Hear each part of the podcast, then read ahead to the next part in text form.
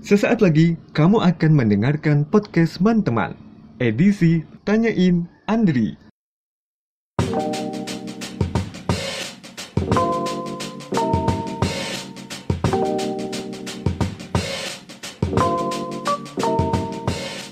Assalamualaikum warahmatullahi wabarakatuh. Jumpa kembali tentunya di podcast Man-teman. Ya Sobat Man-teman kali ini kita akan bahas tentang insecurity saat lebaran Dan saat ini juga aku ditemani sama temen Teman kampusku, satu kampusku juga Yang dari kemarin pas aku ngupload podcast episode keempatnya itu Dia itu pengen banget aku interview Nah itu aku tanya-tanya nih, kamu suka ini nggak Dri tentang uh, mental illness, tentang kesehatan mental? Oh ya udah suka, karena dia juga mungkin banyak perspektif dia itu yang sangat menarik tentang kesehatan mental gitu kan. Ya udah, kita langsung tanya aja ya sama Andri. Assalamualaikum Andri. Waalaikumsalam man. Gimana nih, excited banget nggak? Excited banget dari kemarin kan ya, aku juga minta di interview sama kamu gitu kan, pengen banget masuk di podcast Saluman gitu. Oke oke. Um, situasinya mendekati Lebaran masih sempat nyari baju atau mungkin mesen online aja? Waduh, aduh kayaknya Lebaran tahun ini agak sedikit berbeda ya man, karena ada COVID-19 juga ya. Uh -uh. Kalau berbicara soal beli baju Lebaran, beli apa itu nggak mungkin ya, kayaknya nggak nggak pernah beli apa-apa juga sih. Oh, aku kira kamu lagi sibuk-sibuk ini nih.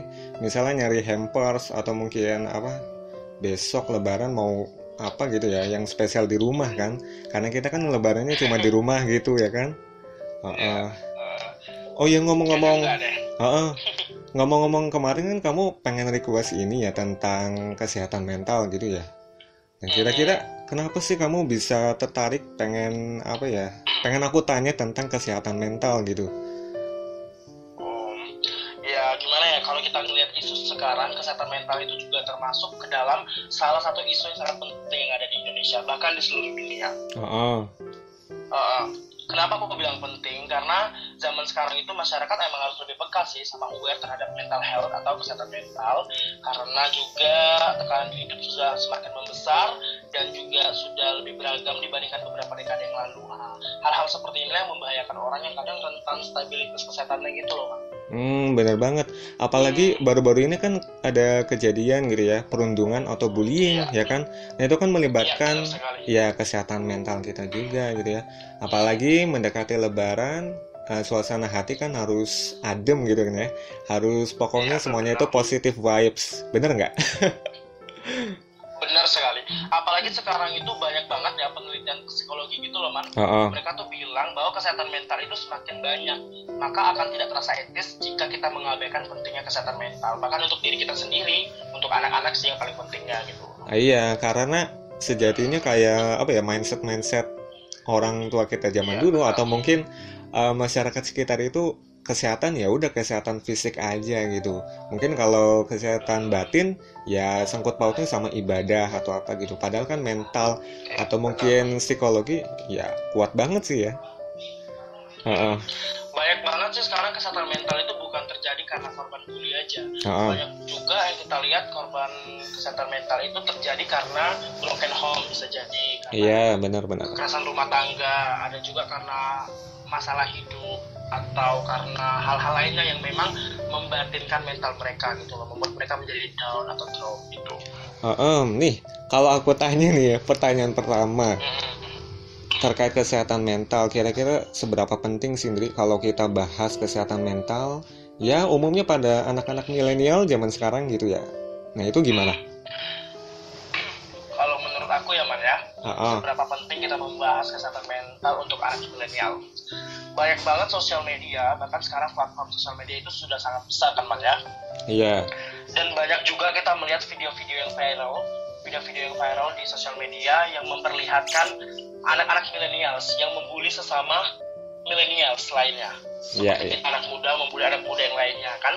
Nah itu penting banget buat kita edukasi bahwa kesehatan mental itu tidak boleh diremehkan kita juga harus memberikan edukasi kepada mereka bahwa kesehatan mental itu harus kita perjelas, harus oh. kita hindari karena kesehatan mental juga sangat-sangat mengganggu fisik seseorang karena oh. banyak banget hal-hal yang terjadi um, ketika kita mendapatkan kesehatan mental yang terganggu gitu loh Oh, seperti contoh ada orang yang depresi depresi Iya, yang benar bunuh banget. diri oh. ada juga dia nggak berani keluar rumah jadi takut keluar rumah karena dia jadi korban bully takut dibully takut diapain lah sama orang lain gitu. Ah, nah mungkin kalau kita bicara tentang bentar lagi Lebaran ya kan, kesehatan mental itu kan juga nggak kalah penting ya kan, karena banyak banget gitu kan hal-hal sepele yang memang uh, bisa kayak menciderai kesehatan mental kita gitu kan ya. Umumnya kan kalau Lebaran ketemu banyak orang gitu, pasti kan ditanya yang macam-macam. Nah secara nggak sadar mungkin ada hal yang bisa apa ya masuk ke diri kita dan bisa melukai uh, kejiwaan kita gitu tuh.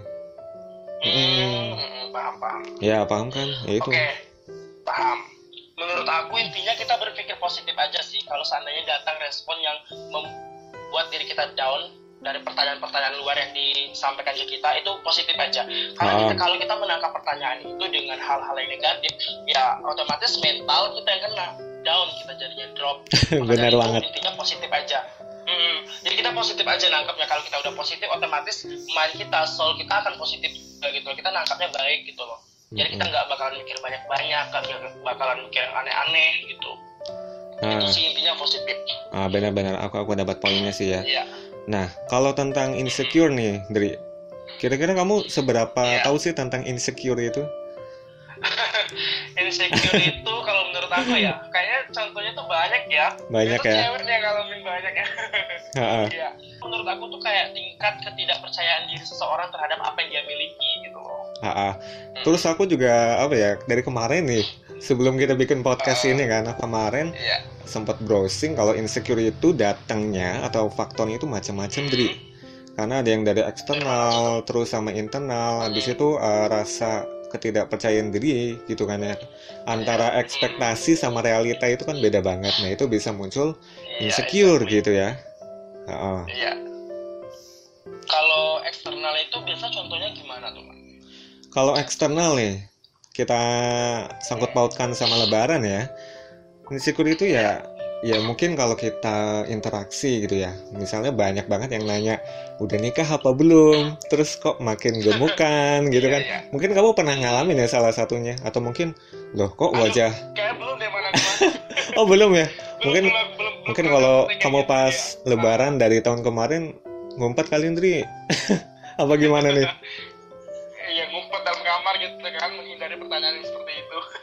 Oh. Enggak sih, paling kalau lebaran tuh ditanyanya paling kapan wisuda gitu loh. Padahal aku juga kemarin tuh pernah pas semester 4 kita ya man lebaran tuh. Ha-ha. Ya. Iya. Ya padahal Tapi masih walaupun- lama ya. Walaupun iya, padahal masih lama, masih semester 4, tapi Hmm. dengan pertanyaan seperti itu juga udah cukup bikin kita insecure sih. Bahkan kayak loh, kita kan masih semester 4 gitu loh, kok udah ditanya kapan kuliah, apalagi ntar kalau udah semester akhir pasti ditanya terus kapan wisuda, kapan wisuda gitu loh. Ya benar sih ya. Terus kalau ngomongin insecure nih ya, em, kira-kira kamu ada nggak sih kalau punya teman yang memang dia itu insecure banget? Ah, pokoknya apa ya standar, ah, pokoknya standar hidupnya itu tinggi banget. Tapi kayaknya inisial aja deh, atau nggak nggak usah kita sebutin ya? Nggak usah sebutin nama deh kayaknya. Iya, ada nggak? Ada nggak? Takut ntar pas podcast ini dipublish dia denger gitu kebetulan kan dia dengerin. Nah itu Banyak contoh banget contohnya kayak kayak apa gitu ya? Mungkin secara umumnya contohnya kayak apa gitu, Nuri? Bisa diceritain nggak? Oke, Eh, kalau dibilang banyak banget orang insecure sekeliling kita tuh banyak. Temanku sendiri pun ada man. Ah, ada tuh. Lagi di kampus juga. eh, eh. dia cewek. Ah, pasti cewek ya. Kenapa gitu pasti share cewek? aja lah ya. Iya iya terus terus gimana tuh? Aja lah. Mm-mm. Dia insecure banget sama diri dia, sama, apalagi body terutama. Dia itu punya apa? Punya badan yang menurut aku nggak terlalu kurus, nggak terlalu gemuk, tapi menurut dia dia itu kurus. Bahkan di antara cewek lain pengen banget punya tubuh kayak dia, tapi dia sendiri selalu bilang aku kok kurus banget ya aku kok kurus banget ya aku pengen banget gendut kayak orang-orang gitu loh sedangkan Oh. orang lain tuh pengen banget punya badan kayak dia dan hal-hal itu tuh sering banget dia sebutin ke kita gitu loh ke teman-teman yang lain itu Berarti- terus aja bilang itu itu itu terus padahal kita Oh. juga udah selalu berusaha ngingetin dia kayak udah bersyukur aja badan kamu tuh udah bagus banget justru cewek lain di luar sana tuh banyak banget yang pengen punya badan kayak kamu Tapi sebelumnya dia itu pernah body shaming gak sih? Maksudnya, oh pernah dikatain ini, dikatain itu sebelumnya. Pernah sih dia pernah dapat body shaming kata orang tuh kayak ih kamu kok kurus banget sih gitu loh ih kamu kok badannya gini sih gitu loh Oh, oh. dia tuh pengen banget gemuk gitu loh Oh, pengen buat gemuk ya? Oh iya dia tuh tadi Kebalik kok. gimana dia tuh kurus dia, Heeh. dia, dia tuh kurus dia pengen gemuk gitu loh Oh, walah. Heeh. dia tuh insecure banget sama dirinya padahal menurut aku ya sama teman-teman badannya tuh udah profesional banget gitu. dan dengan tinggi badan yang cukup sebagai cewek Heeh. dan juga berat badan yang cukup stabil lah ya kalau cewek Iya. kayak 50 kg berat badannya Iya sih harus Normal. Heeh, harusnya normal ya. Maksudnya kalau ya pikiran gitu ya masih wajar kan.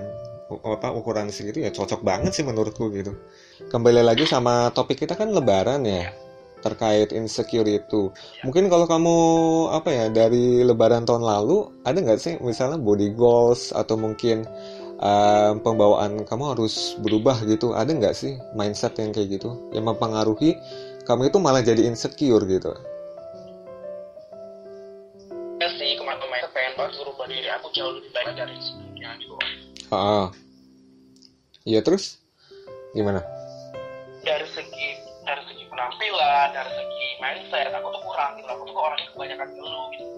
Ah, kebanyakan ngeluh jadi aku pengen banget merubah diri aku merubah mindset aku jadi orang yang memang kalau disuruh apa apa tuh nggak ngeluh gitu loh harus dijalanin gitu loh diselesaikan karena itu kewajiban gitu ah, ah. tapi ada nggak sih eh, mungkin beberapa persen yang udah kamu raih gitu, yang udah bisa kamu dapatkan achievementnya itu? udah udah ada udah Oh, udah ada ya, alhamdulillah ya. Hmm, udah ada lah yang dulunya aku tuh orangnya paling males disuruh-suruh paling males di suruh ini suruh itu gitu tapi sekarang tuh udah mulai berubah gitu loh mindset aku dan sekarang tuh kayak insecure aku tuh gini loh ah. aduh ini agak ke agama ya man Eh, gimana gimana? aku tuh orangnya kan juga termasuk yang jarang banget dalam kutip sholat gitu kan itu juga termasuk insecure loh Iya, nggak apa-apa sih ya. Sekarang tuh kita tuh seharusnya ini udah umur mm, udah umur sekarang itu udah umur yang Udah kepala dua ya? itu seharusnya kita udah mm, kepala itu udah Iya, yang apa sih ya kan Iya, namanya jadi masih aku pengen belajar gitu. iya bener sekali jadi aku pengen ngubah mindset aku untuk jadi manusia yang lebih baik lagi dan alhamdulillahnya ya man Gimana, gimana? ini lebaran ah, ah. aduh aku agak malu nih cerita Ya intinya em, tahun ini berhubung kita kan lagi PSBB di rumah jadi apa ya semacam ada hikmahnya gitu kan. Hmm, gitu. exactly bener banget man jadi karena adanya COVID-19 ini ditambah lagi bulan Ramadan itu bikin aku merubah mindset aku yang dulunya aku jarang sholat sekarang aku udah mulai sholat lagi gitu Oke, bagus lah ya. Nah, Hmm. mungkin itu em, juga termasuk insecure nggak sih aku ngeliat orang rajin banget beribadah sedangkan aku enggak bisa sih.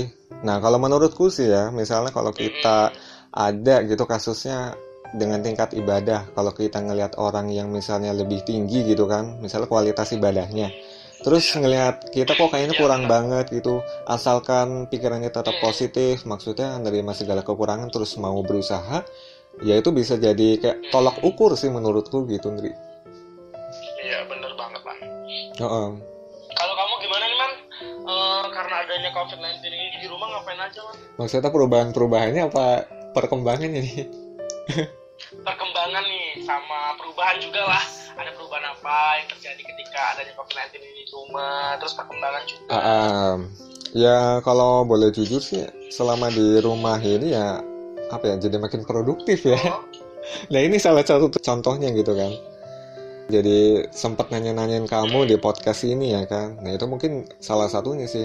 Terus kalau masalah ibadah memang aku akui lebih kayak lebih rajin terus lebih kayak terbuka gitu kan pikirannya apa mau merubah diri lebih baik gitu kan pastinya. Ah, ah. alhamdulillah lah ya ada banyak gitu loh di balik kejadian Oh, benar banget. Uh, pandemi COVID-19 ini. Uh, uh. Nah, ngomongin sama insecure lagi nih Indri ya. Kira-kira ada ininya nggak sih dampak positif dari insecure itu? Mungkin kamu punya pandangan gitu kan Dampak ya? positif dari insecure ya. Uh, uh. Santai aja sih jawabnya, nggak usah serius banget ya. Ada sih kalau menurut aku dampak positif dari insecure teman banyak banget malah. Uh, uh. Gimana gimana nih? Yang pertama, yang pertama tuh ya, yang pertama tuh kalau menurut aku hal positif yang bisa kita ambil dari insecure tuh kita jadi lebih aware terhadap diri kita untuk tidak membandingkan diri kita kepada orang lain gitu loh. Uh, uh. Oke, catat ya poin pertama gitu ya. Oke, poin pertama tadi jangan membandingkan kita dengan orang lain. Siap, terus? Terus dampak positif lainnya tuh karena kita bisa melihat keinsecurean diri kita tuh kayak hmm, apa ya? Kita juga nggak terlalu overthinking gitu loh sekarang. Ah, benar banget nih overthinking ya. Hmm. Uh, uh. Terus terus? Kebanyakan orangnya insecure itu kan overthinking kan, Man, ya. Iya benar juga Jadi sih. otomatis hal-hal positif yang bisa kita ambil ketika kita udah insecure tuh ya kita jadi nggak overthinking lagi ketika kita sudah bisa eh, melihat diri kita, sudah bisa menerima diri kita, jadi kita udah nggak overthinking lagi gitu loh terhadap diri kita. Iya benar banget. Aku akhir-akhir ini juga kayak ngerasa overthinking sih Andri ya. Mungkin karena imbas Kenapa, dari enggak imbas dari corona ini kan aduh mau bikin apa ya biar biar nggak bosen ya ya udah mau bikin ini bikin ini tapi kok malah jadi bingung dan berujungnya ya overthinking itu itu sebenarnya nggak boleh sih ya harusnya ya kita membagi Iya um, pikiran kita sesuai apa ya kapasitas um, tubuh kita ya udah segini segini segini ya udah biar nggak overthinking gitu kan Hmm. terus ada lagi nggak Dri kayak dampak-dampak lain mungkin yang positif yang bisa kita ambil gitu ya Hmm. apa udah itu Apalagi aja ya kira-kira ya. Kayaknya itu aja deh man ya. itu aja ya Hmm. Oke tapi menurutmu nih Dri misalnya insecure apalagi sebentar eh sebentar lagi kita kan mau lebaran misalnya sampai H plus lebaran nanti perasaan insecure kita nggak hilang-hilang nah menurut kamu nih dampaknya itu bisa lebih panjang nggak sih dampak negatifnya mungkin buat ke depannya Banget. gitu ya banget mah Banget lah pasti. Heeh. Ya, itu kan jatuhnya kita udah udah udah memberikan aura negatif ke diri kita berarti. Heeh. udah memasukkan hal-hal yang negatif ke diri kita. Bukannya kalau hal-hal negatif itu semakin kita pelihara, semakin kita uh, uh, semakin kita genggam itu dalam diri kita itu bukannya bakal menimbulkan dampak yang lebih buruk lagi ke depannya kan non? Tapi ada beberapa podcast yang udah aku dengerin nih. Jadi kalau misalnya ada pikiran negatif itu, salah satunya ada yang bisa kita ambil, Ndri. Ya jadi kalau misalnya negatif bukan artinya kita larut dalam perasaan negatif itu ya. Jadi ada beberapa saat ya kita memang harus larut dalam pikiran negatif itu. Misalnya kita ada masalah, ya udah dari masalah itu kita boleh nangis lah ya. Atau mungkin kita boleh berkontemplasi. Oh ya dari hal-hal ini apa sih kekuranganku gitu. Nah tapi jangan juga kelamaan di hal negatif itu. Iya, jangan terlalu berlarut gitu ya dalam kesedihan gitu. Ah, ah, bener banget. Nah, terus ini nih, terakhir nih. Kira-kira solusi yang biasa kamu kembangin nih, misalnya kalau kamu lagi insecure atau mungkin lagi ada perasaan yang memang, wah kok nggak sesuai ekspektasiku banget nih. Nah, itu gimana caranya? Iya. Kalau aku ya, ke mana aku di Jogja juga sempat gini. Apa?